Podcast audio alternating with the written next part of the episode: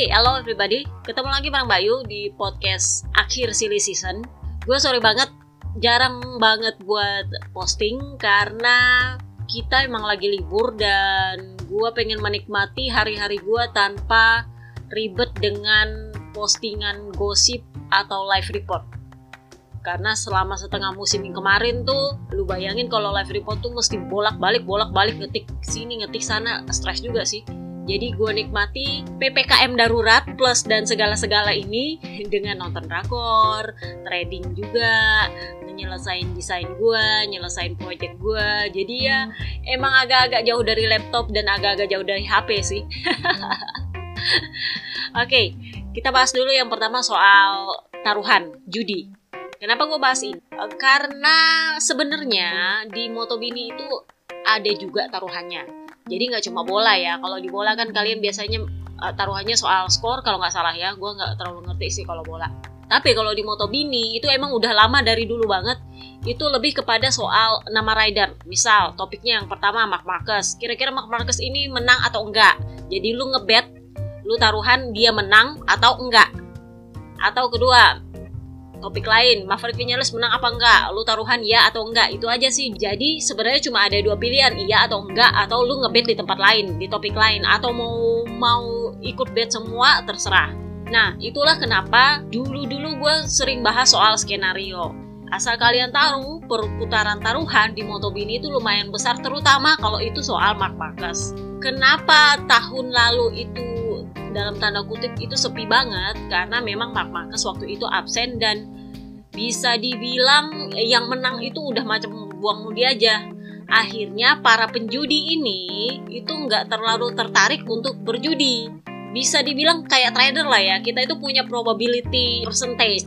Misal gue pilih satu pick saham gitu, ini saham bakal naik apa turun atau gue bakal masuk di mana atau mau lepas berapa jadi kurang lebihnya seperti itu. Kalau kemungkinan gue buat profit itu kurang ya gue nggak masuk. Sama aja kalau di Motobini itu selama beberapa tahun terakhir itu adalah soal Mark Marcus only yang mendominasi. Jadi lebih kepada Mark Marcus bakal menang apa enggak. Atau Valentino Rossi bakal menang apa enggak. Kalau Valentino Rossi sih biasanya taruhannya adalah Valentino Rossi bakal lima besar apa enggak. Itu aja sih dan akhir Nah karena memang kemungkinan untuk Mark Marcus untuk menang itu banyak. Itulah kenapa gue bilang skenario itu perlu. Karena untuk menarik duit itu datang kita harus membuat sebuah probability yang besar agar orang tertarik. Karena kalau misalnya lu pilih yang nggak mungkin menang atau nggak pasti buat menang ya orang juga malas pasang taruhan di situ. Bener nggak sih? Sama kayak kalau di saham itu blue chip. Blue chip itu kemungkinan buat naik itu tinggi Kenapa? Karena memang fundamentalnya bla bla bla bla bla bla banyak lah ya pertimbangannya. Nah kurang lebihnya seperti itu kalau di Mark Marcus karena dia punya motor bagus, karena supportnya bagus, karena dia digadang-gadang bla bla bla bla. Jadi memang skenario itu dibutuhkan untuk menarik duit datang. Nah karena Mark Marcus 2 tahun ini udah mulai kurang pamornya, nah perputaran ini mulai kurang Makanya akhir-akhir ini memang mulai kurang dibahas soal judi di Motobini. Tetapi akhir-akhir ini mulai rame lagi. Kenapa? Itu soal Valentino Rossi. Jadi di podcast terakhirnya itu rider artis Jorge Lorenzo itu bilang kayak gini. Gua taruhan nih Valentino Rossi ini adalah musim terakhirnya buat Valentino Rossi. Dia bakal pensiun setelah tahun ini. Dia taruhan dan inilah yang dimanfaatkan oleh Bandar untuk menjadikan itu topik taruhan. Valentino Rossi, apakah dia akan pensiun tahun ini? Ya atau tidak? Jadi setelah sekian lama ditinggalkan oleh para penjudi karena probabilitas untuk bertaruh itu agak kurang, kali ini makin rame karena topik ini lumayan menarik untuk para penjudi terutama karena probabilitasnya bisa ditebak. Oke? Okay? Jadi dari sekian banyak perputarannya masuk, hampir seluruhnya itu memilih bahwa ayam bebek Valentino Rossi bakal pensiun tahun ini. Ya, itu saking banyaknya bandar sampai ngasih promo aka bonus buat yang memilih tidak. Jadi kalau misalnya lu milih Valentino Rossi tidak akan pensiun tahun ini, itu lu kalau misalnya menang nih ya, lu dapat empat kali bonus dari yang memilih iya. Jadi kalau misalnya gue nggak tahu kalau di Indonesia gimana kalau menang lotre, kita kan dilarang ya buat lotre.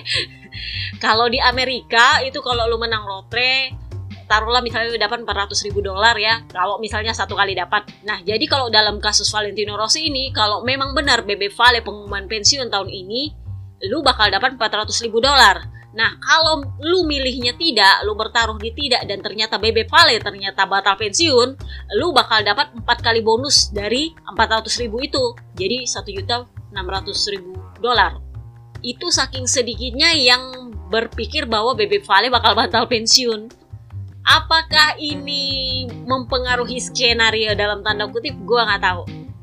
Nah, kenapa ini berkaitan dengan skenario?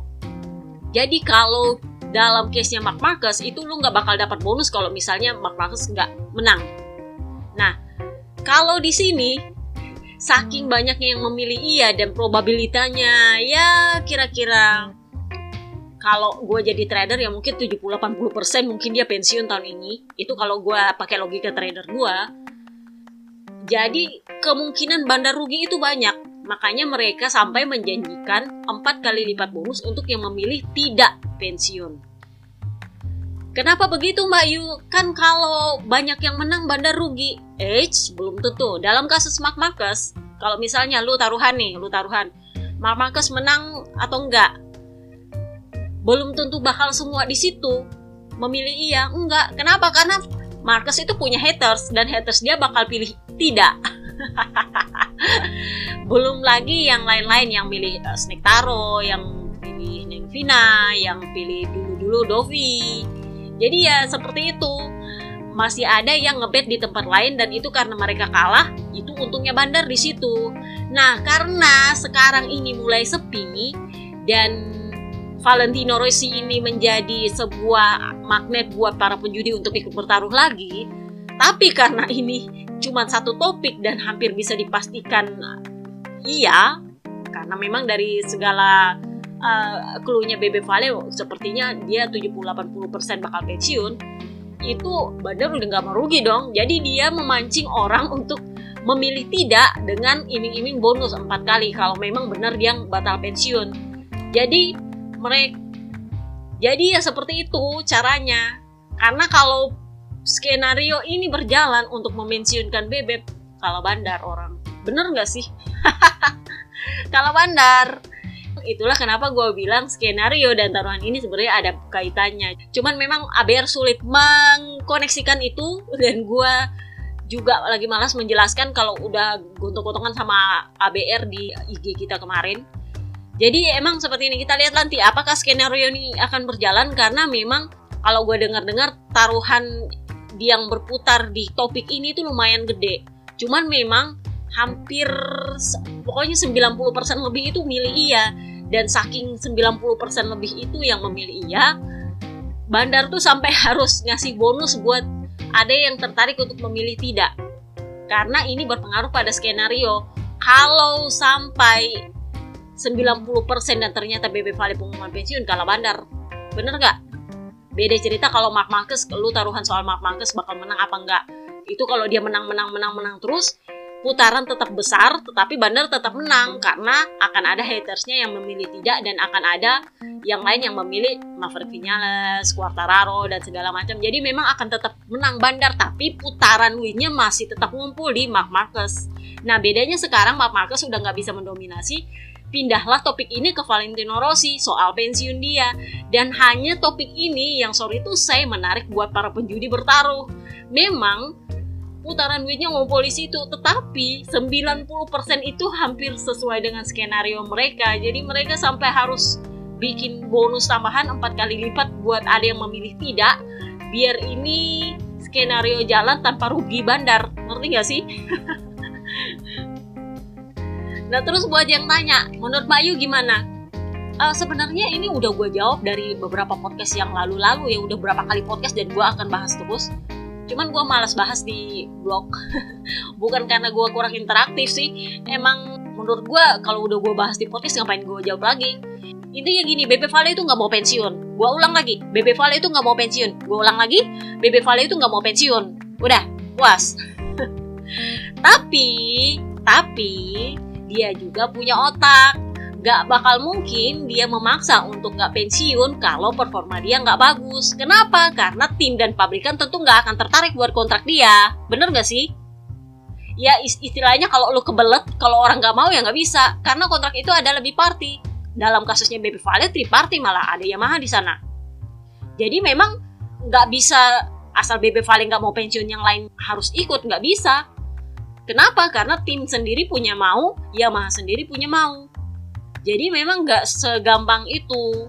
Makanya Bebe Vale bilang, saya melihatnya sesuai hasil, tapi sejauh ini hasil yang saya terima itu nggak menyenangkan sih. Ngerti? Nah itulah kenapa Bebe Vale kemarin bilang akan sangat sulit untuk melihat saya membalap di tahun 2022. Tetapi dalam beberapa wawancaranya, Bebe Vale itu sempat bilang bahwa tahun 2023 dia ingin fokus untuk membalap mobil tahun 2023 bukan 2022. Itu artinya tahun depan masih ada kemungkinan buat BB Vale membalap, masih ada probabilitasnya. Jadi kalau gue bilang 70-80% dia bakal pensiun, 20%-nya, 30%-nya dia nggak pensiun. itu bergantung pada apa? Bergantung pada performa tiga balapan nanti. Dua Austria double header itu dengan Misano. Karena kemungkinan dia bakal pengumuman di Misano. So, solusinya apa? Ini itu kalian udah dengar di podcast gue sebelum-sebelumnya apa solusinya? Jadi kita udah nggak bisa bahas lagi lah ya. Apa solusinya? Pokoknya kurang lebihnya gitu. Intinya kayak gini, kalau mau melihat BP Vale membalap, dia maunya cuma sama Yamaha. Itu masalahnya lagi yang baru. Jadi satu kalau misalnya dia nggak mau pensiun, dia nggak mau membalap sama yang bukan sama Yamaha. Kenapa? Karena dia sendiri udah bilang, di dalam hati saya, saya ini masih pembalap Yamaha. Nah itu akan menjadi dilema juga. Kenapa? Karena seat kosong yang bisa ditempati selain di Yamaha adalah di Ducati. Nah, sementara di Ducati, itu dalam tanda kutip dia punya trauma tersendiri. Kenapa? Karena satu, dia pernah punya masa buruk bersama Ducati. Kedua, Ducati ini motor yang fisikal banget. Jadi lu kalau nggak punya kekuatan di lengan, itu terutama di lengan. Makanya Luka Marini bilang kemarin dia susah adaptasi itu karena dia kekurangan masa otot di lengan. Sementara kalau di Yamaha itu kan nggak terlalu fisikal. Masalahnya adalah di Yamaha, Petronas sudah pasti nggak bakal perpanjang dia. Dan itu dia sudah tahu pasti, itulah kenapa dia bilang sulit untuk melihat saya membalap di tahun 2022. Karena dia tahu Petronas nggak mau perpanjang dia. Sementara kalau dia mau isi tempatnya di Yamaha, punyanya Neng Vina, itu sama dengan dia mengambil peluangnya Morbidelli karena Morbidelli sendiri itu dia udah tahu dia harus taruh di pabrikan supaya menjamin support penuh dari pabrikan untuk Morbidelli. Kalau di Petronas kan gantung-gantung, kadang dikasih kadang enggak, tergantung duit pula. Pokoknya tergantung banyak yang digantung lah ya. Tergantung yang digantungnya banyak. Nah, kalau naik ke pabrikan, support dari pabrikan itu udah nggak lewat Petronas lagi, udah langsung aja ke dia sebagai rider pabrikan. Sebenarnya masalahnya Morbidelli itu cuma sponsor. Q itu kan sponsor yang tipikal untuk VR46 Academy. Jadi kalau misalnya Morbidelli pindah ke pabrikan Yamaha, si With You ini nggak bisa ikut. Gimana sih gue bahasnya? Itu kan kayak sponsor personal. Jadi yang bisa memakai itu hanya rider dari VR46. Nah, kemungkinan Marco Base bisa masuk di situ. Nah, itu lagi masalahnya, tergantung lobbynya sama Petronas. Kalau itu sih nggak masalah. Kalau Morkobis masuk mengisikan seatnya Morbidelli itu lebih bagus. Karena mereka tipikalnya adalah kontrak dengan ridernya VR46. Nah, kalau misalnya Morbidelli pindah ke uh, tim pabrikan ya nggak masalah. Kalau yang gantikan adalah VR46. Jadi ya memang kalau memang misalnya mau tukar guling ya Valentino Rossi pindahnya ke Ducati boleh. Tapi si Marco Bes pindahnya ke Petronas isi seatnya Morbidelli Morbidellinya naik ke pabrikan bisa seperti itu tapi masalahnya apakah mau dia di Ducati itu sih Kemudian yang bahasan kedua adalah mau pakai Ducati apa? Ducati bekas atau Ducati pabrikan? Kenapa? Karena Luka Marini itu sudah dipastikan bakal dapat Ducati pabrikan. Nah, kalau kakaknya masuk di situ, apakah mau pakai motor bekas? Itu lagi pertanyaannya. Jadi ya memang uh, agak-agak jelimet sih, agak pokoknya intinya gini lebih kepada dia bakal naik apa. Kalau dia bisa mengubah apa sih keinginannya buat oke okay, gue naik Ducati aja nggak apa-apa. Ya oke okay, semua jalan. Toh Pangeran Abdulaziz nggak masalah. Dia justru senang kalau misalnya dia gabung sama adiknya si Luka Marini situ. Jadi gabung ya, istilahnya brothers team lah ya kayak Marcus kemarin sama Alex Marcus gitu sebenarnya nggak masalah menurut dia itu malah dia kasih super full. Cuman masalahnya adalah mau nggak Valentino Rossi di situ dan mau nggak dia pakai motor bekas? Kenapa? Karena memang Luca Marini itu sudah sesuai maunya Mama Stefania. Ibu Suri udah patok itu motor pabrikan buat Luca Marini. Jadi apakah dia mau pakai motor bekas? Itu jadi masalah. Itu sih kalau menurut gue kalau soal Vinales kalau Vinales kayak gini somehow di satu titik gue merasa kayak gini. Dia itu sedang dalam posisi menyesali keputusan dia untuk meninggalkan Yamaha yang tiba-tiba. Kalau misalnya dia masih bujang kalau masih bujang nih nggak ada tanggungan nggak ada istri nggak ada anak sebenarnya sih nggak masalah.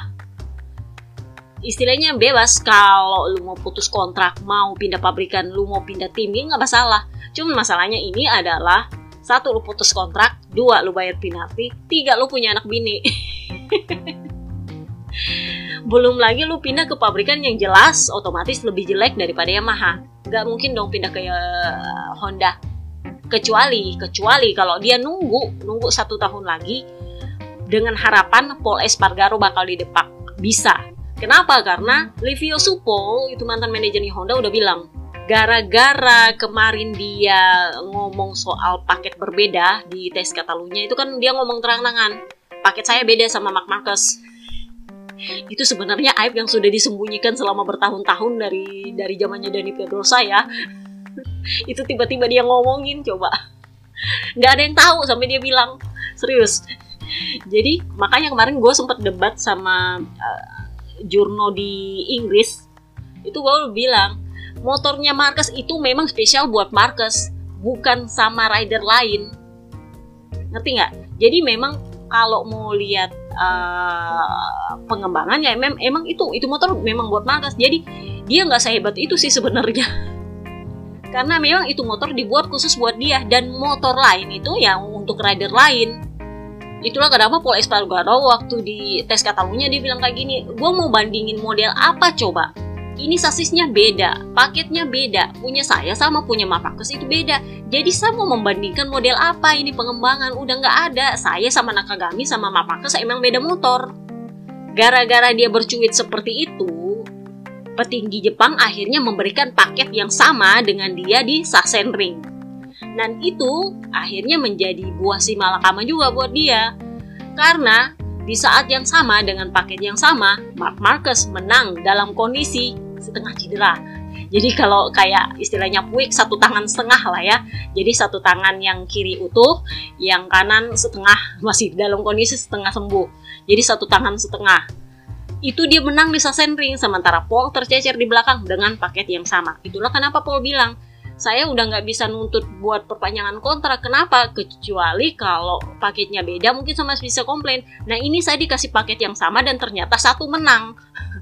Jadi saya udah nggak bisa bilang ini motornya jelek karena Honda akan dengan gampang bilang motor kami menang kok tuh buktinya Marcus dengan kondisi setengah cedera masih bisa menang. Jadi ya memang benar kata Livio Supo. Agak aneh kalau Paul berani berkata seperti itu dan petinggi pendiri Honda itu nggak marah. Kalau saya jadi pendiri Honda, saya bakal pecat dia. Dan mungkin akan terjadi. Jadi memang gosip-gosip supaya adalah memang petinggi Jepang itu lagi memper, mempertimbangkan ini bakal didepak nih.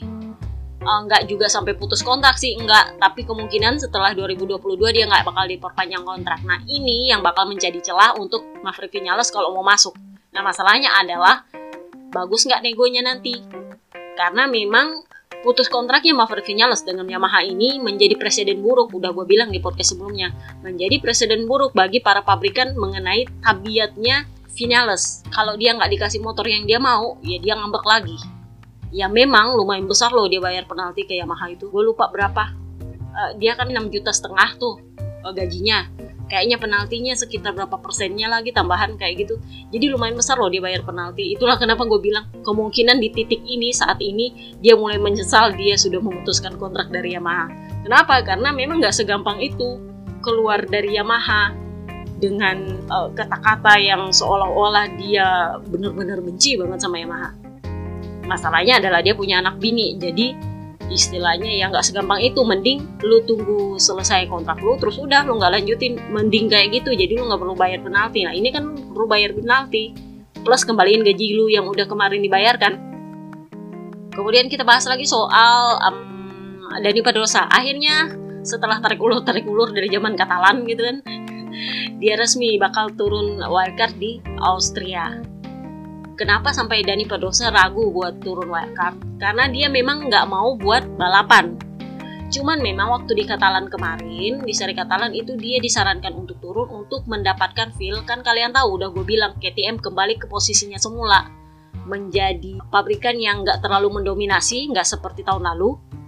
Dan itu yang memancing keputusannya Dani Pedrosa untuk ah mungkin kayaknya ini pengembangannya ada yang kurang apanya gitu ya, kurang klik, kurang greget, kurang apa. Jadi akhirnya dia memutuskan untuk turun track sebagai pembalap untuk mendapatkan ini motor kalau balapan apanya yang salah. Ngerti nggak? Jadi dia mau dapat feelnya. Karena memang selama ini kan test rider itu beda dengan feelnya pembalap. Selama ini yang membuat dia berkembang di KTM ini bisa bagus karena waktu di awal-awal pensiun feel membalapnya dia masih ada jadi pengembangan KTM itu masih bagus Nah sekarang setelah beberapa saat dia keluar dari balapan, kemungkinan film membalap dia itu mulai kurang dan ini berpengaruh pada pengembangan KTM. Itulah kenapa akhirnya dia memutuskan, oke okay, gue turun wildcard buat dapat kira-kira film membalapnya ini gimana nih sama pengembangan. Tapi dia nggak juga untuk memaksakan harus uh, eh, 10 besar atau lima besar, enggak. Dia cuma bilang yang penting gue seneng-seneng aja deh. Kayak gitu maunya dia.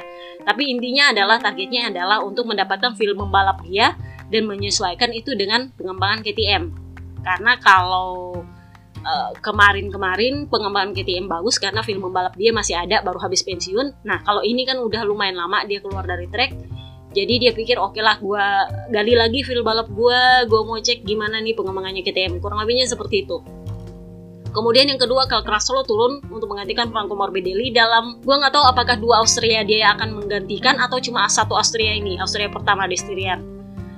Dia dipilih karena Gareth Gerloff harus membalap di USBK, jadi bentrok jadwalnya. Itulah kenapa Carl Kraslow yang turun. Nah, keputusan ini sama-sama muncul pada saat Gareth Gerloff memutuskan memperpanjang kontraknya dengan WSBK sampai tahun 2022. Jadi intinya sepertinya dia memang menunggu ada rider yang selesai kontrak resmi di MotoGP, baru dia masuk. Dia nggak mau masuk di saat kisruh-kisruhnya Vina sepertinya sih seperti dia nggak mau jadi kontroversi juga. Jadi dia menyelesaikan kontraknya sampai 2022 dan itu artinya kandidat untuk mengisi seatnya Vina atau Bebe Vale atau Frankie Morbidelli itu mulai bertambah lagi nah Kak Kraslo ini sendiri memang sudah lama nggak membalap dan ini dia akhirnya kembali membalap itulah kenapa di Styria nanti itu akan menjadi uh, balapan yang bisa dibilang dalam tanda kutip comeback untuk para test rider ini. Dan itu juga kemarin gue bilang akan menjadi standar penilaian terhadap Valentino Rossi. Kenapa? Karena BB Vale kan istilahnya dia pakai motor pabrikan meskipun ya supportnya masih setengah-setengah dari Petronas dan dari pabrikan Yamaha tapi itu akan menjadi standar buat para rider veteran. Kira-kira akan gimana? Apakah dia lumayan bisa fight terhadap para para pensiun ini? Kalau Trasrau dan Dani Pedosa kalau sampai iya itu bakal jadi bahasan bulan-bulanan. Setahu gue ya feeling gue jadi kalau misalnya Bebe Vale sampai finish di belakangnya Dani Pedrosa itu bakal jadi bulan-bulanan serius. Itulah kenapa gue bilang uh, ini lumayan kritikal buat Valentino Rossi karena Dani Pedrosa dan Cal Crutchlow itu akan menjadi standar penilaian buat performa dia. Sementara mah sementara Franco Morbidelli memang baru bisa kira-kiranya bisa dapat fit to rate itu sekitar Misano.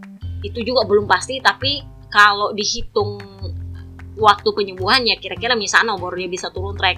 Tapi kira-kira kalau kata Dato Rasali ya mudah-mudahan bisa lebih cepat tapi memang mereka juga nggak maksa karena sudah terlalu dalam tanda kutip terlambat untuk mengejar ketertinggalan kata mereka. Terutama karena memang motornya Morbidelli ini kurang support sama sekali dari Yamaha. Jadi ya seperti itu sih. Kemudian soal Dovi. Di titik ini gue merasa kayak gini Dovi ini kembali memperlihatkan banyak maunya dia ini terlalu merasa bahwa dirinya diinginkan oleh para pabrikan padahal nggak sebenarnya nggak segitu banget sih jadi kabarnya dia ini rada jual mahal sama Aprilia karena dia pengen sama Yamaha Nah masalahnya apakah Yamaha mau sama dia? Belum tentu. Yamaha lebih baik memilih yang lain daripada dia buat ngisi seatnya finalis. Kalau dia mau di Petronas sih nggak masalah. Jadi peluang dia untuk masuk kembali membalap selain di Aprilia itu ya cuma di Petronas. Satu seat Petronas itu hampir dipastikan punyanya Safi Vierge, jadi sisa satu. Kalau misalnya Baby Vale nggak perpanjang, karena kan memang hampir dipastikan nggak perpanjang sama Petronas tuh. Ya cuman bisa di situ Dovi masuk. Sementara manajer dia, Simone Bastella sendiri bilang, saya tidak bisa memastikan apakah Andrea Davizioso punya kartu yang baik untuk membalap tahun 2022. Manajernya sendiri sudah bingung mau diapain, saking banyaknya maunya ini rider.